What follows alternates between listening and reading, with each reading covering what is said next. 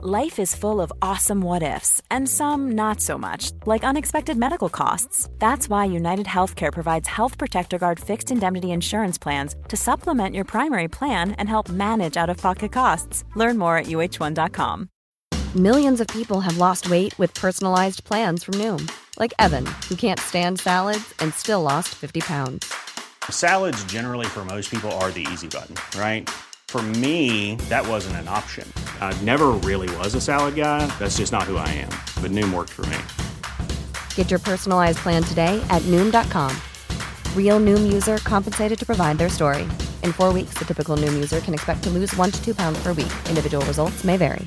You should celebrate yourself every day. But some days you should celebrate with jewelry. Whether you want to commemorate an unforgettable moment or just bring some added sparkle to your collection, Blue Nile can offer you expert guidance and a wide assortment of jewelry of the highest quality at the best price. Go to BlueNile.com today and experience the ease and convenience of shopping Blue Nile, the original online jeweler since 1999. That's BlueNile.com. BlueNile.com. Many of us have those stubborn pounds that seem impossible to lose, no matter how good we eat or how hard we work out. My solution is PlushCare. PlushCare is a leading telehealth provider with doctors who are there for you day and night to partner with you in your weight loss journey. They can prescribe FDA-approved weight loss medications like Wagovi and Zepbound for those who qualify. Plus, they accept most insurance plans. To get started, visit plushcare.com slash weight loss. That's plushcare.com slash weight loss. Market Makers presenteras återigen av tradingmäklaren IG. Vill du handla aktivt och dra möjlighet av att kunna gå både lång och kort dygnet runt på över 17 000 marknader så ska du kolla in IG.com eller deras prisbelönta app. Via IGs produkt Turbo 24 kan du dessutom få flexibel hävstång och handla råvaror, index och valutor samt många av de mest populära aktierna. Detta på ett ISK dessutom. Fantastiskt! Upptäck IGs tradingplattform redan idag och läs mer om de aktier de erbjuder på IG.com. Men kom ihåg att all handel med finansiella instrument är förenat med risk. I'm amazed how many people own stocks. They, they would not be able to tell you why they own it. They couldn't say in a minute or less why they own it. Actually, you really press them down, they'd say the reason I own this is the sucker's going up. There's enough cash in the financial system, and there is an infinite amount of cash at the Federal Reserve. An infinite amount of cash. Put that check in a money market mutual fund, then we'll reinvest the earnings into foreign currency accounts with compounding interest, and it's gone. So they had to do something. All they had left was just to print money and start buying things. And that's what they did. Quick buck artists come and go with every bull market, but the steady players make it through the bear market. They say money can't buy happiness. Look at the fucking smile on my face. Hej och välkommen till ett nytt avsnitt av Market Makers. Och vilket avsnitt dessutom. Dels är det avsnitt 198. Vi brukar inte rabbla avsnittsnummer. Jag vet att vissa poddar är helt besatta av att prata om vilket avsnittsnummer. Jag tycker det är totalt ointressant. Men nu är det ju lite intressant eftersom vi närmar oss 200. Det är ändå lite stort. Ja, vet du vad mer vi eh, närmar oss? Fyraårsjubileum Ja. med podden. Det är 20 september om jag inte har räknat fel. Så det är rätt, rätt snart. Och eh, ska man vara krass så att vi närmar oss ju också döden också konstant. Äntligen! Jag är ju ständigt på en resa Längtar. genom universum mot döden. Fantastiskt. Det är det man får leva med i livet. Men för att tränga undan lite existentiell ångest så ska vi ju prata om någonting spännande idag, nämligen investeringar i fastigheter. Vi har med oss två stycken nya förvaltare hos Lannebo Fonder som ska lansera två stycken fastighetsfonder. Jag tyckte att det var rätt intressant faktiskt att ha med dem. Det är inget sponsrat eller någonting så, utan det är bara intressant att prata lite om fastigheter. Det är ingenting vi är experter på, så det är faktiskt rätt kul att få höra mer. Eh, Det är ju en sektor som verkligen har eh, ja, men gått bra senaste, vad ska man säga, det är ganska många år nu med tanke på att räntorna hela tiden har sjunkit och sjunkit och eh, ja, det har blivit billigare att låna och därmed har fastigheter och tillgångar ökat värde. Så att jag tyckte det var ett roligt avsnitt, En bra, bra snack med dem också om vad man ska tänka kring när man investerar just i fastigheter. Ja, det har väl varit ett tokrall i fastigheter de senaste 40-50 åren. Så att eh, är man tillräckligt gammal för att ha köpt botten där så är det ju fantastiskt.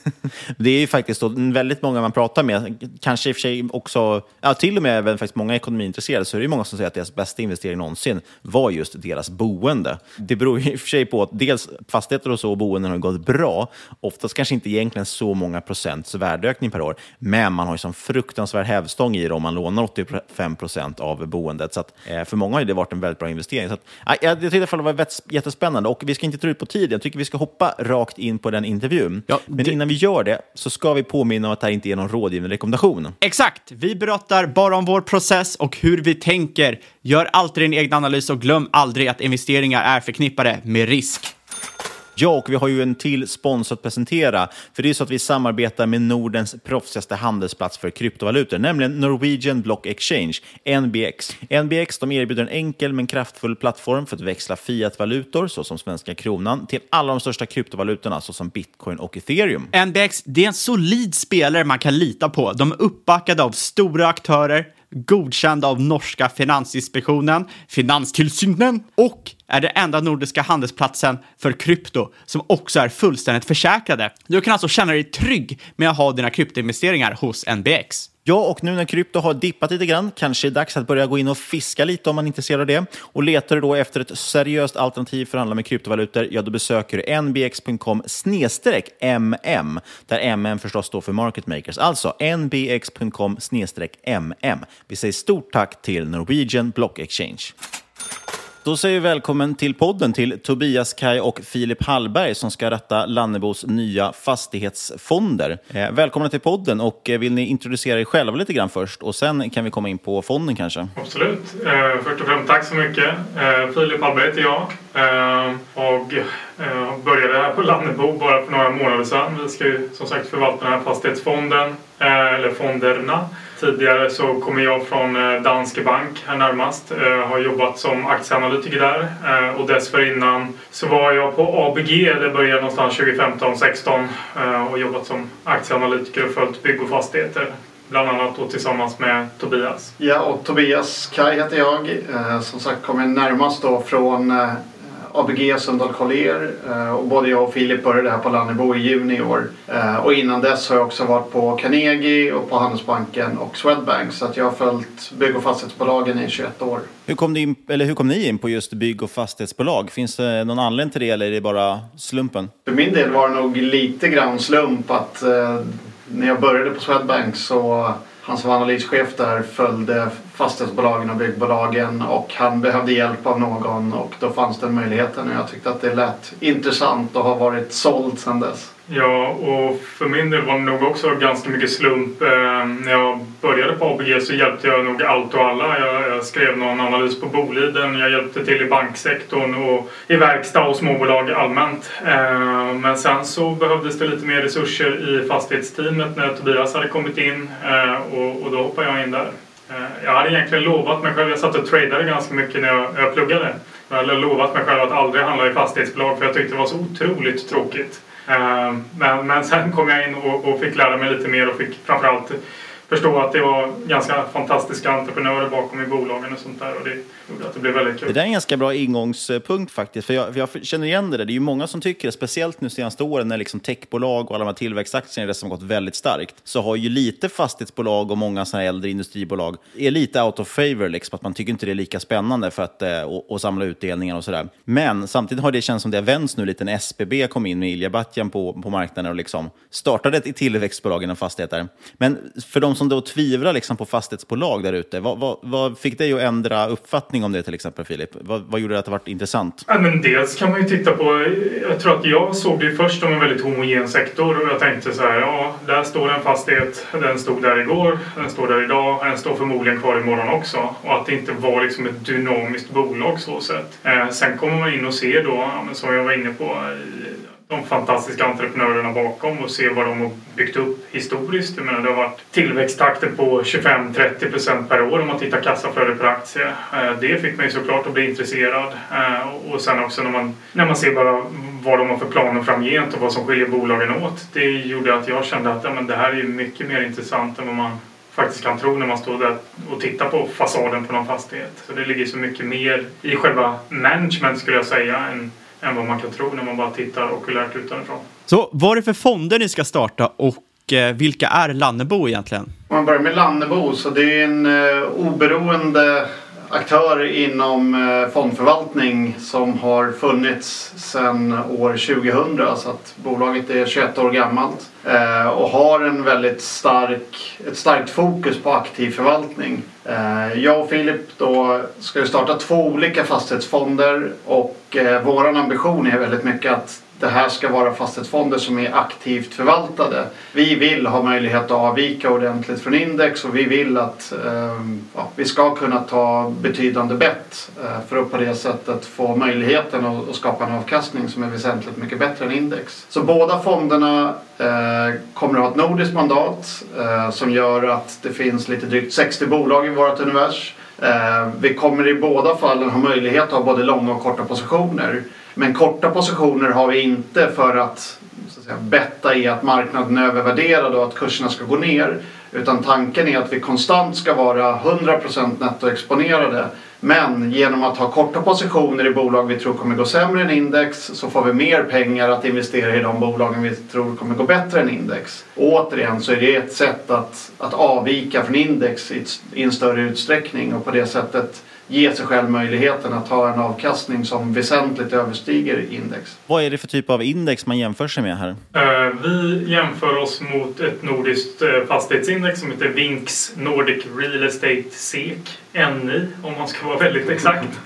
Uh, så det är ett index som ägs av Nasdaq. Och som trackar egentligen då alla, alla bolag som finns i ett univers då nästan? Ja, i princip alla. Sen tillkommer det alltid något och till, falla bort någonting så exempelvis ett Kungsleden och sånt där som går in i, i eventuellt då Castellum. Eh, men det är ungefär ja, mellan 60-65 bolag nordiska. Eh, Sverige väger ju såklart överlägset tyngst eh, givet att vi har väldigt mycket större bolag här i Sverige och många fler.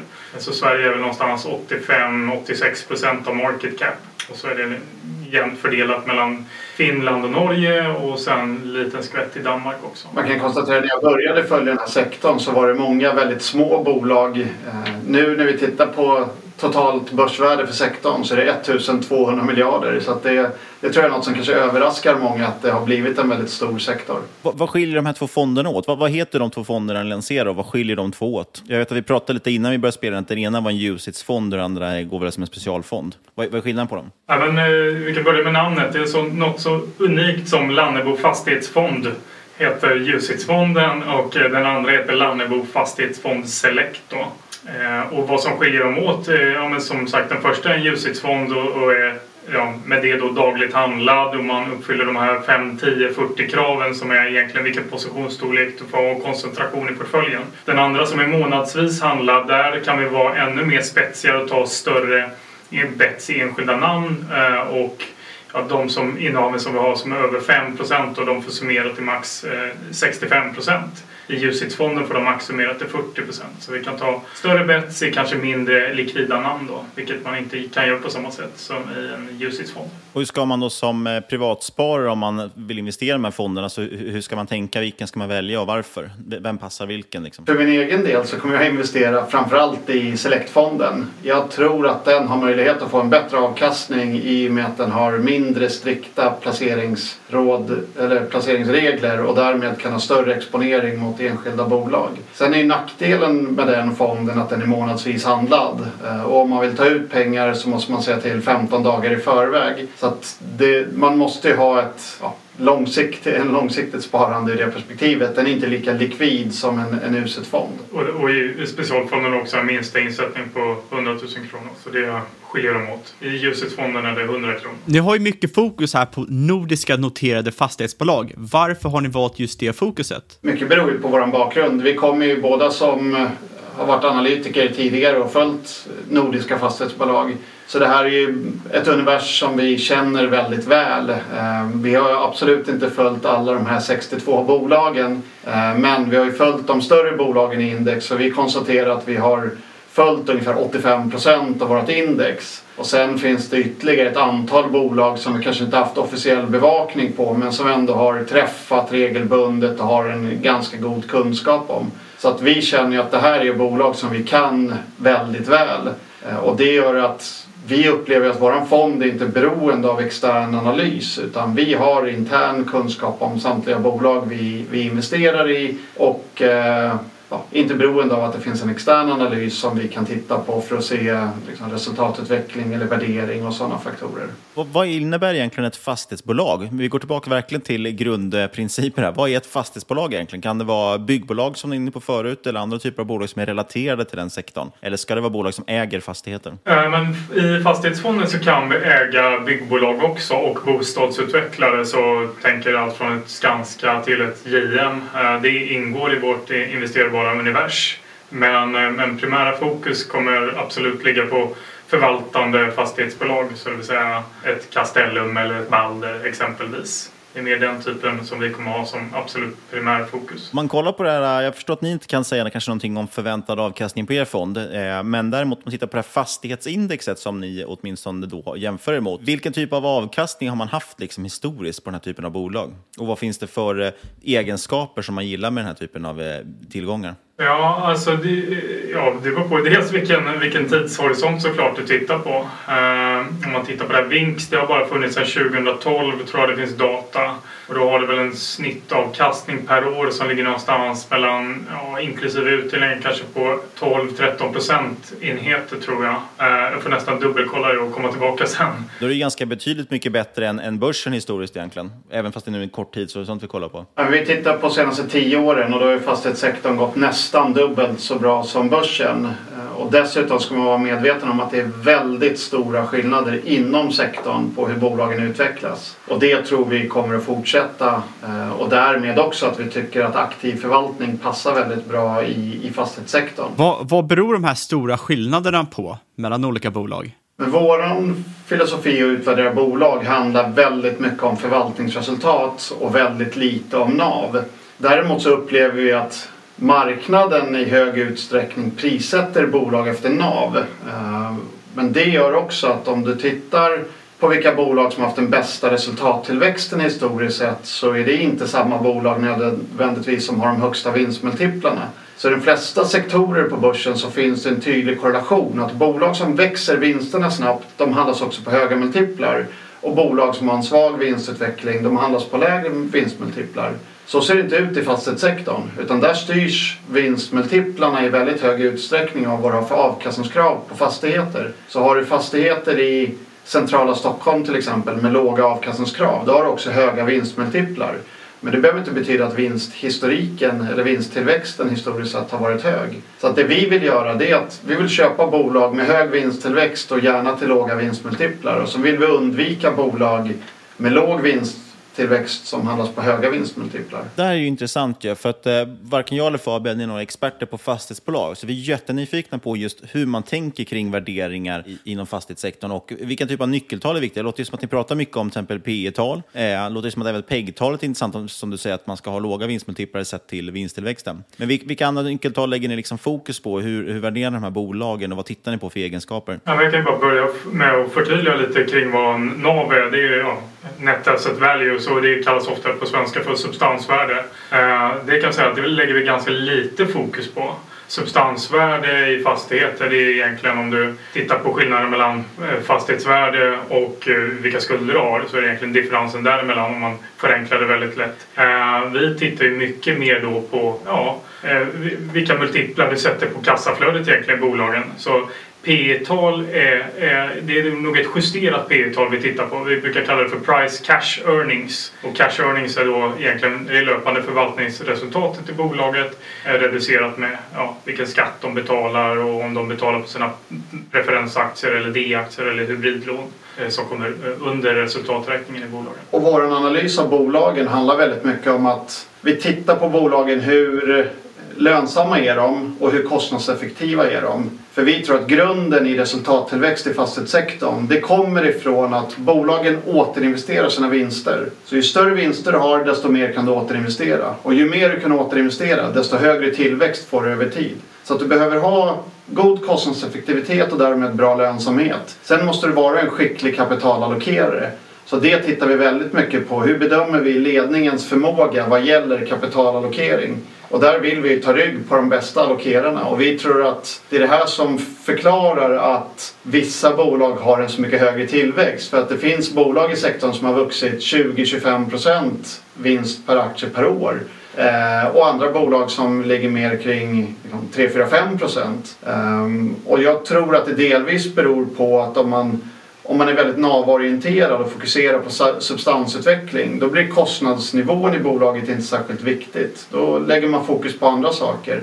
Då får man kanske ett mindre kassaflöde att återinvestera och det ger över tid lägre vinsttillväxt. Hur, hur ser ni allmänt på fastighetssektorn och värderingarna kring fastigheter just nu. Fastigheter de senaste åren har ju, har ju minst sagt haft det, haft det rätt bra. Ja, om man, om man tittar på sektorn just nu, jag menar om vi bara zoomar in på year to date så är det klart så här, om man pratar om timing etc. Hade vi fått välja så är det klart att man hade velat starta lite tidigare eftersom att sektorn har ju gått väldigt starkt, framförallt då Q2 i år. Eh, om man tittar Q1 så var väl sektorn då ner kanske 2% och sen efter det var den upp ungefär 40 eh, Så timingmässigt absolut, man hade ju velat ha en, en annan start kanske.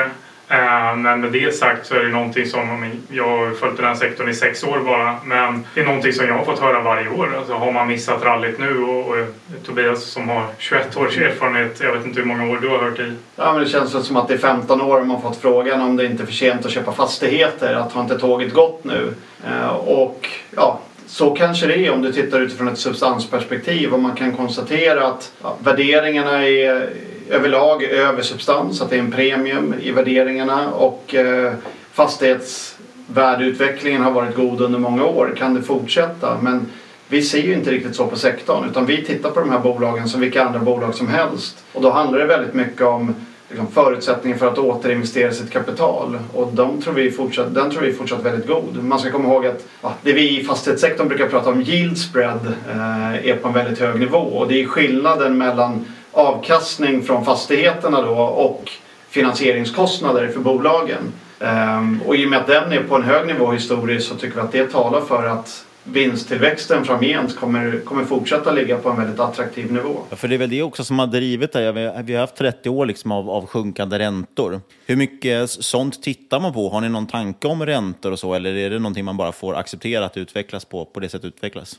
måste ju ha någon slags grundtro och grundcase på ekonomin såklart. Men jag tror det skulle vara ganska svårt för oss att ha en superstark syn om vad räntan ska vara om ett, två eller tre år. Och jag menar, inte ens de som jobbar med att sätta räntan har ju haft en prognos som har varit rätt de senaste 15-20 åren åtminstone. Så det, det skulle ju vara ganska, jag tror, waste av våran tid åtminstone att sitta och ha jättestark syn på det. Eh, utan jag tror vi, vi fokuserar om någonting mycket mer på realräntan än de, än de nominella räntorna. Och det tycker jag är någonting som som många tappar bort när man tittar på fastighetssektorn för att fastigheter är en realavkastande tillgång. Eh, och, och realränta för de som inte vet är ju egentligen nominell ränta justerat med inflation. Eh, för fastighetsbolagen det är ju så fiffigt att deras hyresintäkter, åtminstone för kommersiella fastighetsbolag, den är ju indexerad i mångt och mycket. Så du får, eh, ja, baserat på oktobersiffran i Sverige, får du den inflationen som är i, i oktoberprinten får du ju vid årsskiftet i, i höjda hyror. Uh, och om vi har en, en ränteuppgång så tror jag att det kommer bero på någon form av inflation. Eh, jag tror det är osannolikt att vi vaknar upp imorgon och har 5% ränta utan att inflationen har kickat igång. Eh, och då tror jag att fastighetsbolagen, det, det tyder nog på att ekonomin mår ganska bra och då tror jag fastighetsbolagen mår bra. Kan man eh, säga någonting generellt om olika typer av fastigheter och vilka fastighetsbolag som skulle kanske gynnas och missgynnas mest i sådana typer av scenarier? Alltså om vi skulle få till exempel en höjd inflation eller vi skulle då få höjd ränta, det hänger ju antagligen ihop, men vilken typ av fastigheter är liksom sämst att äga då? Vilken typ av fastigheter är bäst ägda? Vilka är bäst skyddade för sånt? Men i grund och botten har väl en inställning att man ska inte titta så mycket på fastigheter. Ledningen är en mycket viktigare fråga att ha en åsikt om. Går man tillbaks tio år i tiden så hade huvudstaden de bästa fastigheterna men de har inte haft den bästa avkastningen. Eh, går jag tillbaks tio år i tiden så hade Sagax inte de bästa fastigheterna men de har haft den bästa kursutvecklingen. Så jag tycker det är ett bevis i sig för att det inte är avgörande vilka fastigheter du har. Däremot så är det klart, vi har också åsikter om vilka olika segment vi gillar mer eller mindre. Och vi har väl under ganska många år sagt att ja, vi har varit lite försiktiga på konjunkturen och vill ha haft lite mer defensiv exponering. Och då har vi sagt att vi gillar bostäder, samhällsfastigheter och sen lager och industrifastigheter. Och sen har vi varit mer försiktiga till retail och till kontor i Stockholm. Däremot så tror jag att ja, men även i, inom retail och kontor i Stockholm så går det säkert att göra jättemånga superbra affärer. Och, eh, bara för att det är en samhällsfastighet eller en bostad så behöver det ju inte vara bra heller. Så att det, det är svårt att generalisera för mycket och man ska nog utvärdera varje affär på, på sin egen basis så att säga. Men om man, om man ändå ska försöka generalisera så är det väl lite så, så vi ser på, på marknaden. Men är det inte, tänker jag, lite en, en definitionsfråga också? För jag kan tänka mig många säger att så, ja, men det här bolaget har de bästa fastigheterna. Så det man menar ofta med bästa, det är ju kanske de tryggaste för att det just är, ja, men de har prime locations i Stockholm till exempel. Men som du säger, det är kanske inte där man får bäst avkastning. Så om, om vi skulle definiera om det liksom i, i eh, ni nämnde ju till exempel tre typer av fastigheter där som ni gillar, bostäder, lagerlokaler och logistikcenter och vet du, samhällsfastigheter som SBB till exempel visat har gått väldigt, väldigt bra. Varför gillar ni de tre typerna? Men då skulle jag säga att det är lite olika skäl för de olika kategorierna. Eh, bostäder och samhällsfastigheter kanske liknar varandra i det avseendet att det generellt sett har väldigt låg operationell risk. Bostäder för att vi har reglerade hyror i Sverige och samhällsfastigheter för att du har en, ja, en väldigt stark motpart och generellt sett väldigt långa hyreskontrakt. Och det vi har, ett, ett skäl också till att vi har gillat de segmenten, det är att vi har tyckt att det har varit för höga avkastningskrav på de tillgångarna. Att om du går tillbaks 4-5 år i tiden då var det betydligt lägre avkastningskrav på kontor i Stockholm än vad det var på samhällsfastigheter och bostäder. Eh, och vi tyckte att det borde vara tvärtom med tanke på den operationella risken. Sen har väl det kanske förändrats lite men vi tycker ändå att utsikterna är bättre i för bostäder och samhällsfastigheter till exempel. Om man istället tittar på lager och logistik så skulle jag mer säga att främsta skälet för attraktionskraften där är nog egentligen avkastningen. Att det är så pass mycket högre direktavkastning än på andra tillgångslag och det gör att du får mycket större kassaflöden som du varje år kan återinvestera och på det sättet skapa en hög tillväxt. Sen har du också andra fördelar med den typen av fastigheter och det är till exempel att du ofta har långa, långa hyreskontrakt som på sätt och vis minskar risken. Å andra sidan kan man säga att du ofta har så att säga, bara en hyresgäst i fastigheten vilket ju kan öka risken då att det är mer digitalt. Antingen är den uthyrd eller är den tom. En kontorsfastighet kanske mer kan vara ja, att du kan ha ett plan tomt men de andra planen är uthyrda och sen, sen har du lite lägre risk i det perspektivet. Men det medför ju också att för en industrifastighet eller en lagerfastighet så är det rationellt att avkastningskraven är högre på grund av den digitala risken då om du har en vakans som din hyresgäst väljer att flytta. Men å andra sidan om du har hundra sådana fastigheter, ja då har du ju smetat ut den där risken vilket kan motivera en portföljpremie och det ser vi ju väldigt tydligt i marknaden idag att när vi ser transaktioner inom det segmentet så säger alltid säljaren att priset var 20 eller 30 procent över senaste värderingen för att det är portföljpremier i det segmentet. Och det tar man inte hänsyn till i en avvärdering till exempel. Då värderar man alla fastigheter var för sig. Så det tycker vi också är ett skäl till att man inte ska titta på substansen utan att man faktiskt ska titta på förvaltningsresultatet och, och utvecklingen av det. Tycker ni allmänt att man kan lita på substansvärdena som fa fastighetsbolagen utger? Alltså man måste ju, om man ska titta på substansvärden och gå efter rapporterade substansvärden så måste man i alla fall titta på vad är det för input som bolaget har i sin värdering. Ofta kan man hitta det i årsredovisningar, i alla fall lite halvt eh, kan man se vilken inflation räknar de med, eh, vad räknar de med för uthyrningsgrad, vad räknar de med för eh, genomsnittlig ja, kostnad av kapital exempelvis.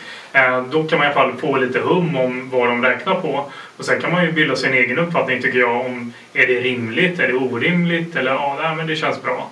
Eh, men överlag skulle jag säga att värden, ja, som sagt, det är baserat på någon annans antaganden och det är väldigt subjektivt. Jag tycker att man kunde se det kanske under under coronaåret 2020 att det var väldigt stelt när man kollar på värderingar i bolagen. Det var många som inte gjorde några större värderings, eh, gjorde några större ändringar på sina värderingar i kvartalsrapporterna utan de hänvisade till att nej, men vi har inte sett så många transaktioner så då låter vi det vara eller kanske till och med skruvar upp värdena lite. Och det tycker jag tyder på att det är ganska subjektivt. För jag menar, om vi går tillbaka till eh, när bolagen rapporterade sina Q2 förra året, eller Q1, då, då, då var ju världen till viss del i brand.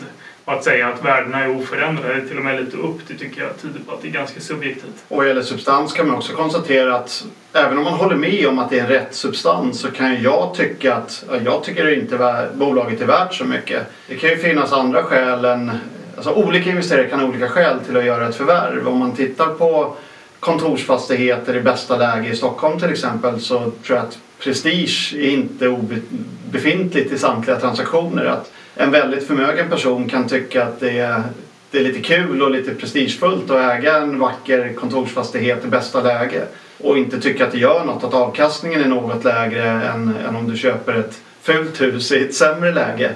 Men när jag investerar mina pengar då vill jag ha avkastning och det tror jag också att de som investerar pengar i vår fond de är inte så intresserade av huruvida vi har investerat deras pengar i vackra hus eller i fula hus eh, eller i liksom, prestigeaspekten utan de vill få den bästa avkastningen. Det finns ett väldigt bra citat från Andreas Wallén som är VD på MP3. Han, han sa att avkastning behöver inte alltid vara vackert tycker jag är någonting man kan ta med sig. Helt klart. Om man, om, om man zoomar ut lite och kikar allmänt på den svenska fastighetsmarknaden, tycker ni det att den är mer attraktiv än andra fastighetsmarknader, till exempel i Europa eller i USA? Ja, alltså till viss del absolut. Sen så får man ju ja, inte glömma att man sitter här med Sverige-kepsen på sig. Uh, men, men det som man kan konstatera åtminstone, nu har inte jag hundraprocentigt detaljkoll på alla olika marknader internationellt, men Sverige sticker ju verkligen ut i att det finns så många unika entreprenörer här. Det är väldigt många bolag på, på börsen idag och fastighetsbolagen där grundare, huvudägare och VD är en och samma person. Eh, och så ser det inte riktigt ut om du tittar ut i, åtminstone i Europa. Eh, och, och sen får man inte glömma heller att Sverige och kanske Norden med det, du har ju väldigt stabila stater här. Eh, och du har en, en, en, ett regelverk som går att tyda och det är väldigt lätt att, att göra affärer så sätt. Plus att vi har ett banksystem som förmodligen är ett av de starkaste i hela världen. Och det är ju såklart otroligt viktigt för, för fastighetsbolag som är en så pass kapitalintensiv bransch.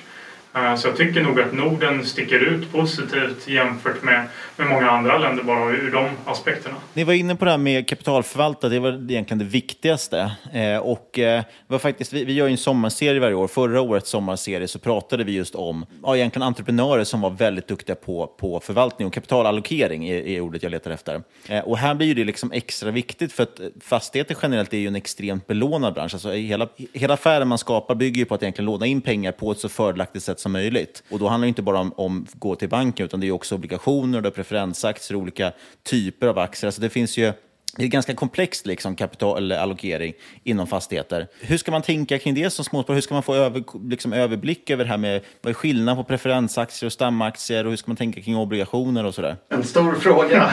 jag vet inte jag kan ge ett kort svar på det. Men eh, jag tycker nog snarare, jag skulle vilja säga att preferensaktier och D-aktier är ett tecken på liksom, attraktionen i svenska fastighetsbolag. För som vi ser det så är, som vi var inne på, kapitalallokering är otroligt viktigt och förmåga att göra bra investeringar när man ska återinvestera de vinsterna som man har skapat. Men eh, hur din skuldsida ser ut är också en väldigt viktig fråga att ta hänsyn till för ledningen i ett fastighetsbolag. Och historiskt sett så har väl vi en bild av att många fastighetsbolag har ja, man har haft en belåning, eh, man har haft bankskuld som man har jobbat med, man har haft en sorts eget kapital som man har jobbat med och allt annat lika så har många bolag tyckt att ja, ju bättre belåning man kan ha, eller ju lägre belåning man kan ha desto bättre för det minskar risken. Eh, sen har det kommit ett antal entreprenörer i fastighetssektorn som har börjat tänka annorlunda och börjat skapa nya instrument och det här tror jag är ändå ganska unikt för Sverige med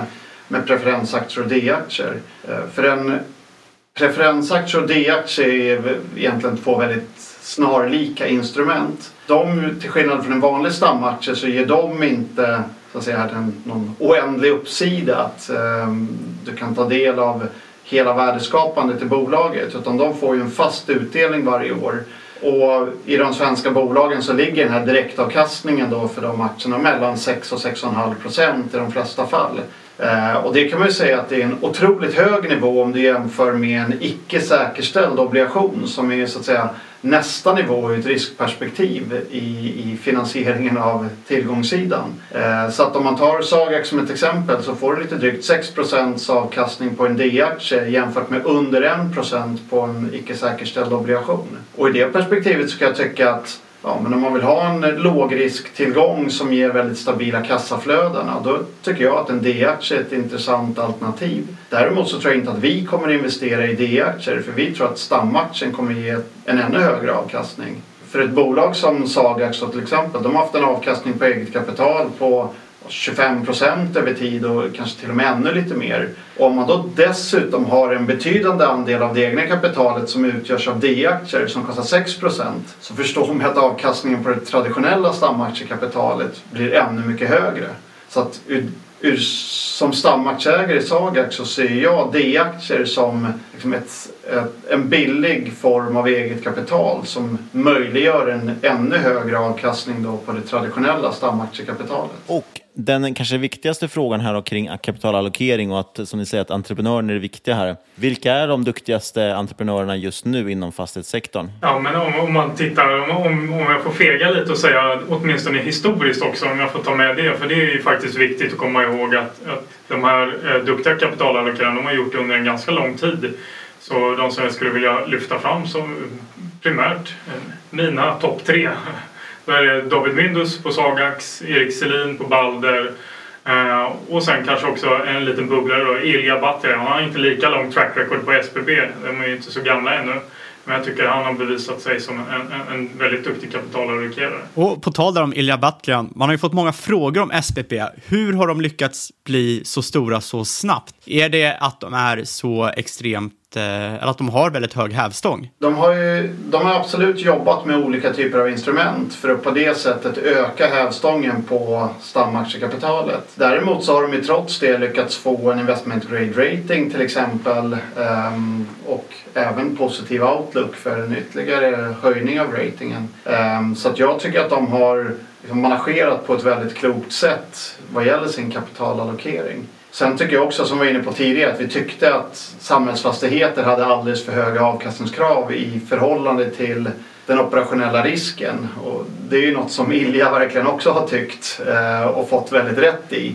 Eh, och blivit väldigt rik också på, på, sin, eh, på sitt agerande så att säga. Och där tyckte jag förvärvet av Hemfosa var helt fantastiskt. Många tyckte att det var ett dyrt förvärv för att man betalade premium mot substans. Men det var väldigt låga vinstmultiplar. Man köpte ett bolag på 15 gånger förvaltningsresultatet ungefär. Och det var trots att Hemfos hade ganska höga räntekostnader. Och när, de, när det konsoliderades in i SBB eh, som hade rating då gick det att sänka upplåningskostnaden väldigt mycket som gjorde att multiplarna trycktes ner ytterligare då tack vare lägre räntekostnader. Så att jag tyckte att det var ett fantastiskt förvärv i det perspektivet. Och eh, nu är inte era fonder startade än. Eh, apropå det kan vi också gå in på det när, när de här kommer faktiskt lanseras. Men jag är lite nyfiken på, ni kanske inte kan berätta då vilka bolag som finns i fonden eftersom de i själva fonderna inte finns än. Men vilken typ av bolag kommer ni kika på? Kan ni säga någonting om det, vilka ni kommer att eh, ta in i fonden? Ett litet smakprov. Ett litet smakprov. Eh, nej men, eh, som sagt, vi, vi fokuserar ju mycket på de här duktiga kapitalallokerarna. Eh, och vi gillar ju bolag som har en, en dokumenterad förmåga att skapa en stark tillväxt i förvaltningsresultat eller kassaflöden som dessutom då handlas till en låg multipel. Så eh, med det sagt så är det inte orimligt att anta att ett bolag som ett Balder exempelvis som har en av de absolut bästa track recorden i sektorn men samtidigt handlar på en multipel som ligger någonstans kring 20 gånger vinsten. Det är inte orimligt att ett sådant bolag kanske skulle kunna finnas med. Och när lanseras själva fonderna? När börjar de handlas? UZ-fonden den börjar handlas den, eh, eller den, den har startdatum den 15 september så då är det så att säga NAV 100 eh, och sen från den 16 september och framåt så kommer vi ha en, en avkastning eh, i den fonden.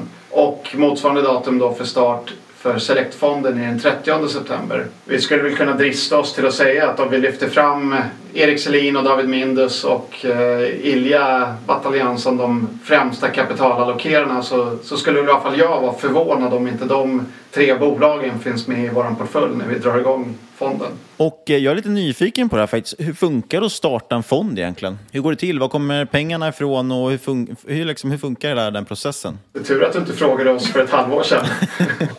Man har ju förstått att det är ganska mycket jobb med att starta en fond och det är många här på företaget som har gjort ett väldigt stort arbete och vi är väldigt glada över all hjälp vi har fått i, i alla tänkbara olika frågor. Eh, till att börja med så, så gäller det att få fondbestämmelser godkända av Finansinspektionen och där har det i vårat fall då varit väldigt mycket frågor kring likviditet och, och vilka risker det finns i den aspekten.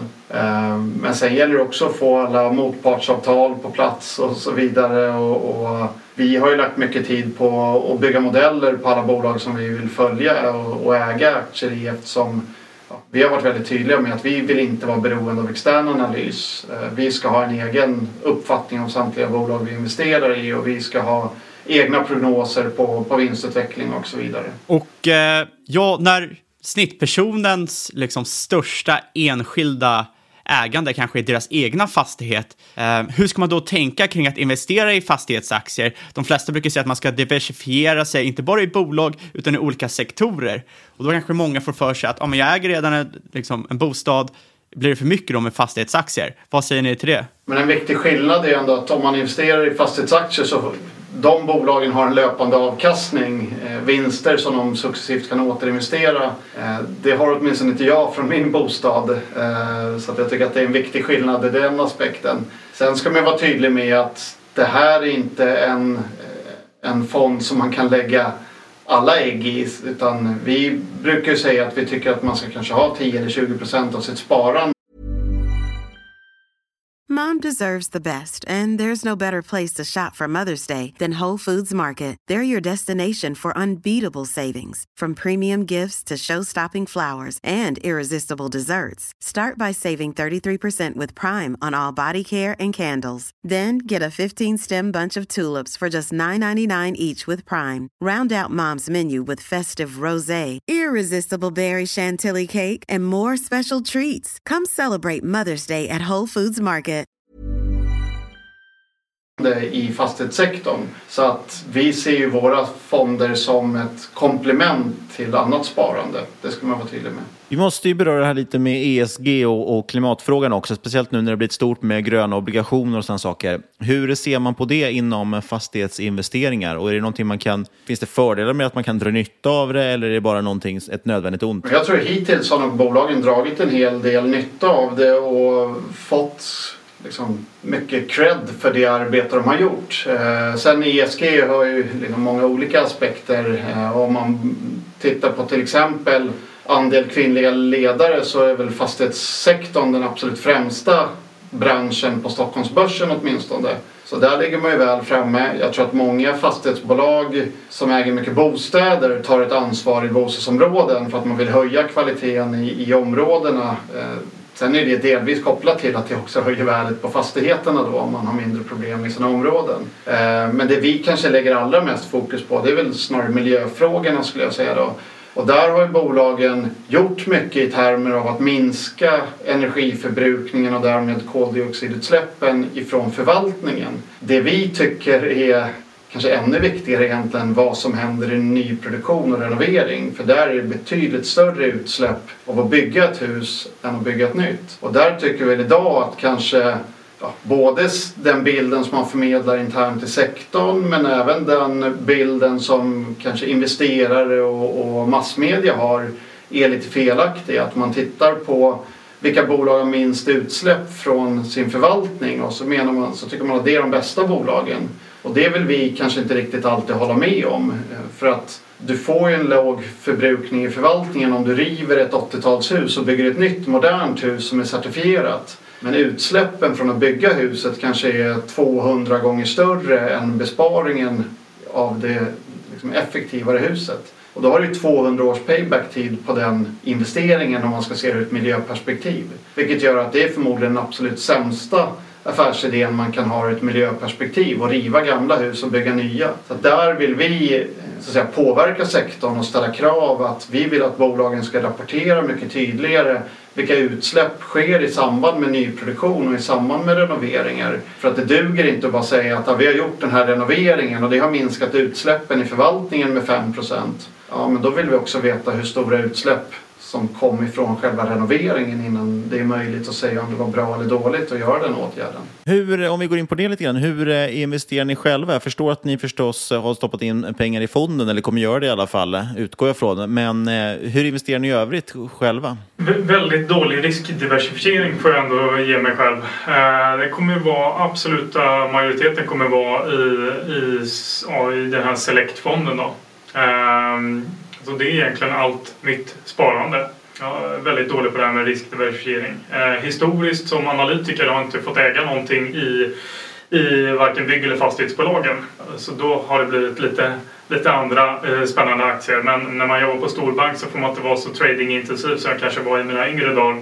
Eh, så det har blivit mycket buy and hold. Och jag har också för avsikt att, att ha merparten av mitt sparande i, i Select-fonden. Kommer man att kunna följa fonden och er handel på något sätt i den? Jag vet att eh, jag prenumererar på en hel del som förvaltarbrev och marknadskommentarer och sånt, även från fonder som jag inte själv äger så att säga. Vilket jag tycker är väldigt intressant och det är ett bra sätt att hålla kvar intresse för en investerare. Kommer ni ha några sådana nyhetsbrev eller marknadskommentarer som kommer ut och hur kommer man kunna följa dem i sånt fall? Äh, absolut, det kommer ju löpande månadsrapporter sen. Äh, nu kommer det kanske inte första månaden, jag är lite osäker på tajmingen för det. Eh, och sen har vi också för avsikt att, vi har ju ett Twitterkonto eh, som vi tyvärr inte ännu fått lösenordet till så vi kan inte logga in. Eh, men, men, vi kommer nog få det så småningom här.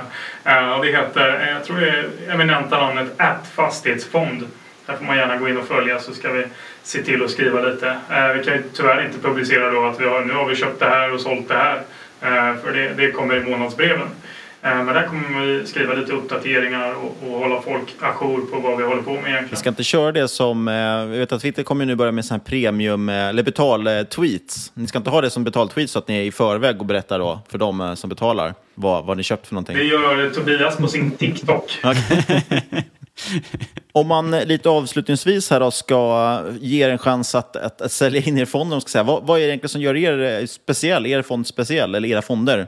Eh, det finns ju liksom andra fastighetsfonder sedan tidigare också. Varför ska man välja er? Ja, ja men eh, precis. Eh, ja, men när vi satte oss och tänkte göra den här fastighetsfonden så vi satt ju redan för tre år sedan när vi jobbade tillsammans och funderade på finns det inte utrymme för en till fastighetsfond? Och, och, och, och där lades egentligen grunden till ja, det här embryot som vi är på idag. Då. Eh, och det vi såg var egentligen att ja, men det finns fastighetsfonder idag eh, i deras struktur som de har, att de är bara 100% långa hela tiden. De kan inte riktigt avvika kraftigt mot index. Och där kände vi att det finns absolut möjlighet för oss att, att genom den här 150-50 strukturen då som vi har och är unika med. Då skapar vi oss, ger vi oss själva möjligheten att avvika från index och faktiskt leverera en riktigt aktiv förvaltning. Så det skulle jag vilja slå ett slag för att vi, vi är den enda nordiska fastighetsfonden eh, som har möjlighet att gå långkort. Och, och, och det tror jag inte man ska, man ska underskatta. Och eh, avslutningsvis så tänkte jag ställa en fråga som vi ställer till alla som vi intervjuar och det är vad är er bästa respektive sämsta investering och vad har ni lärt er av det? Oh, det är så många. Eh, om vi börjar med den absolut sämsta som jag har gjort så får jag gå tillbaka till eh, jag jobbade på, på, en, eh, på Handelsbanken, det kan jag ändå säga, eh, direkt efter gymnasiet. Och då hade de lite sådana här push-ut trading cases och jag tyckte det var så jävla coolt med aktier. Eh, och då körde de en eh, varant, eh, tror jag, i Ludin Petroleum. Eh, som jag tyckte det här låter ju så, så jävla bra. Eh, så jag dunkade in alldeles för mycket pengar relativt för vad jag hade då i Lundin Petroleum. Och sen var det någon härlig, jag kommer inte ihåg om det var presskonferens eller årsstämma eller något sånt där. Där de blev anklagade för något, eh, ja, det var väl något väldigt dumt som de hade gjort eventuellt då i, i Sudan eller vad det var. Och eh, det kom någon ordförande och ryckte micken från den som ställde frågan. Och då var det inte jättemycket värde kvar i den där lupevaranten som jag hade. Jag tror jag inte ens fick tillbaka kortaget på den. Så det, är nog den absolut sämsta procentuellt i alla fall eh, affären jag har gjort. Bästa måste nog ha varit... Jag har ägt Take-Two eh, ganska länge och där var min analys så pass enkel att eh, jag har spelat många av deras spel historiskt. Eh, jag tänkte att det är väl så nära man kan komma recurring revenue i ett, eh, i ett gamingbolag med NBA 2K och jag har spelat mycket GTA etc. Så det är väl en av de bättre investeringarna. Och jag har ägt Vitec under en lång tid också. Inte längre dock, för nu har jag ingenting. Utom fonden. Eh, jag har faktiskt också ägt Vitec. Eh, det var en väldigt bra investering. Det har jag enbart Filip att tacka för att jag var aktieägare i. Men jag skulle nog säga att min bästa investering är med väldigt god marginal Sagax som jag ägde i 15 år ungefär. Ehm, och det, var, det har jag aldrig ångrat. Och jag vet inte, sämsta investering är kanske möjligtvis i så fall att jag som jag kommer på att jag borde ha köpt mer Sagax. Been there, done that. Man har ju dock aldrig förlorat pengar på något som man inte har gjort. Ja, precis. Ja, det finns nog några jag förlorat pengar på också men eh, jag kan inte komma på någon på rak arm så här. Det är inget som jag ligger vaken om nätterna över i alla fall. Grymt, då säger vi tack så jättemycket för att ni gästade podden. Tack så mycket. Stort tack. Tack så mycket.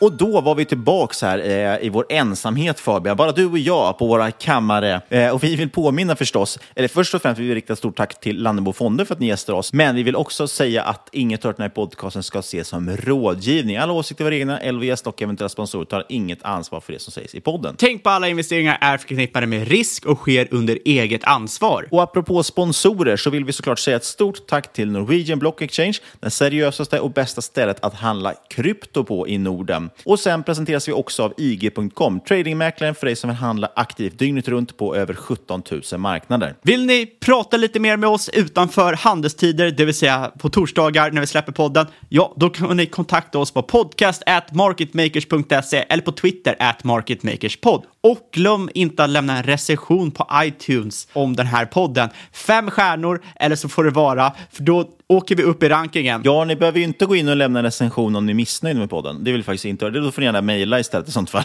Eller hålla tyst om det, det är det bästa. Eh, sist men absolut inte minst så vill vi säga stort, stort tack för att du har lyssnat. Kära lyssnare, vi hörs igen om en vecka.